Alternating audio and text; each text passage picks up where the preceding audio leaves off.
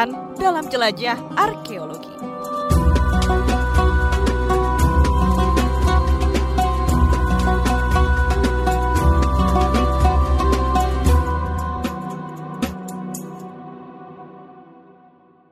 Assalamualaikum warahmatullahi wabarakatuh.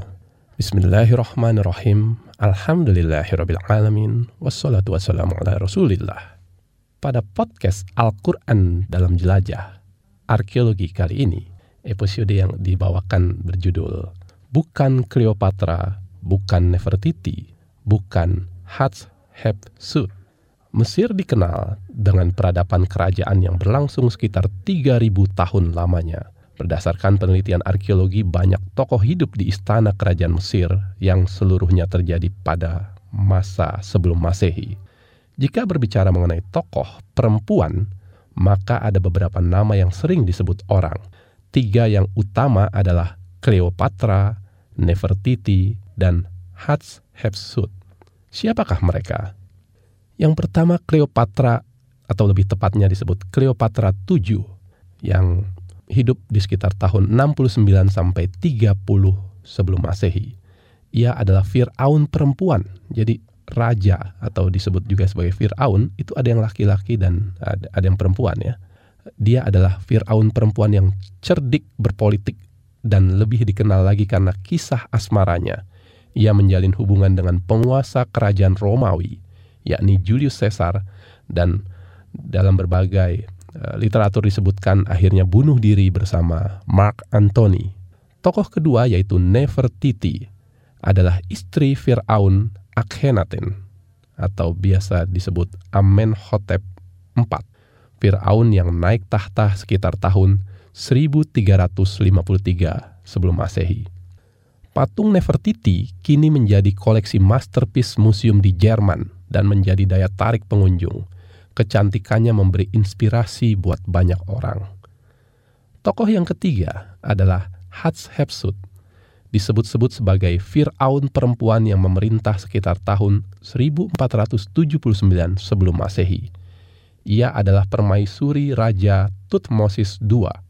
Saat suaminya meninggal dan anak tirinya ya, yakni Tutmosis III masih kecil, maka Hatshepsut menjadi raja ia menyatakan diri sebagai anak dewa Amun.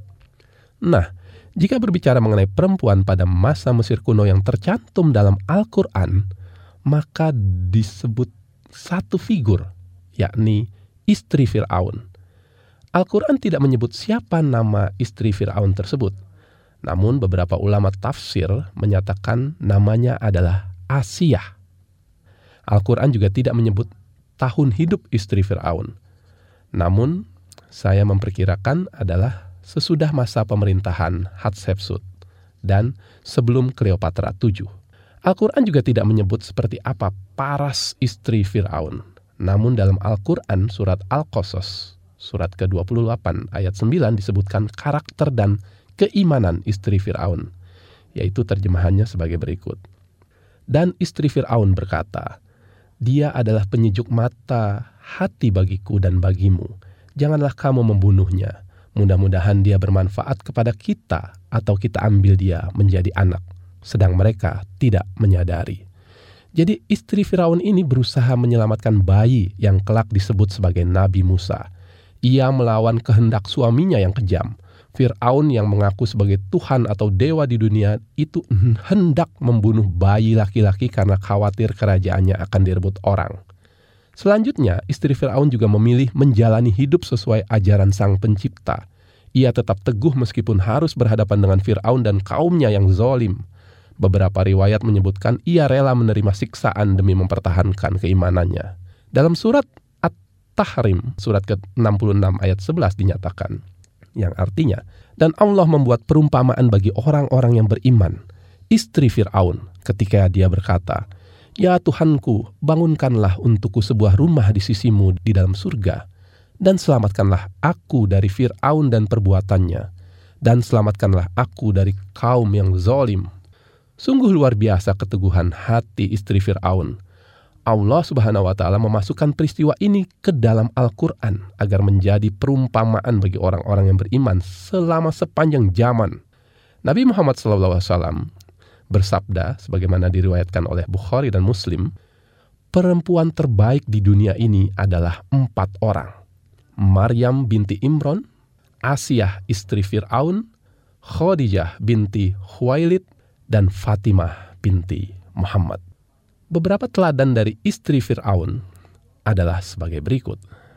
Ia beriman kepada Allah Subhanahu wa taala dan siap mati ketimbang mengikuti ajaran atau perintah suaminya yakni Firaun yang terkenal kejam. Nah, yang menarik adalah parasnya tidak disebut, tetapi kasih sayangnya melindungi dan menyayangi nyawa manusia membuatnya dikenang abadi. Lalu ia bukan ratu atau raja, tetapi amal ibadahnya membuat ia mendapat gelar perempuan termulia penghuni surga. Dan terakhir, mudah-mudahan kisah nyata ini dapat diambil oleh kita sebagai teladan dan diterapkan dalam hidup keseharian. Wallahu alam. Assalamualaikum warahmatullahi wabarakatuh.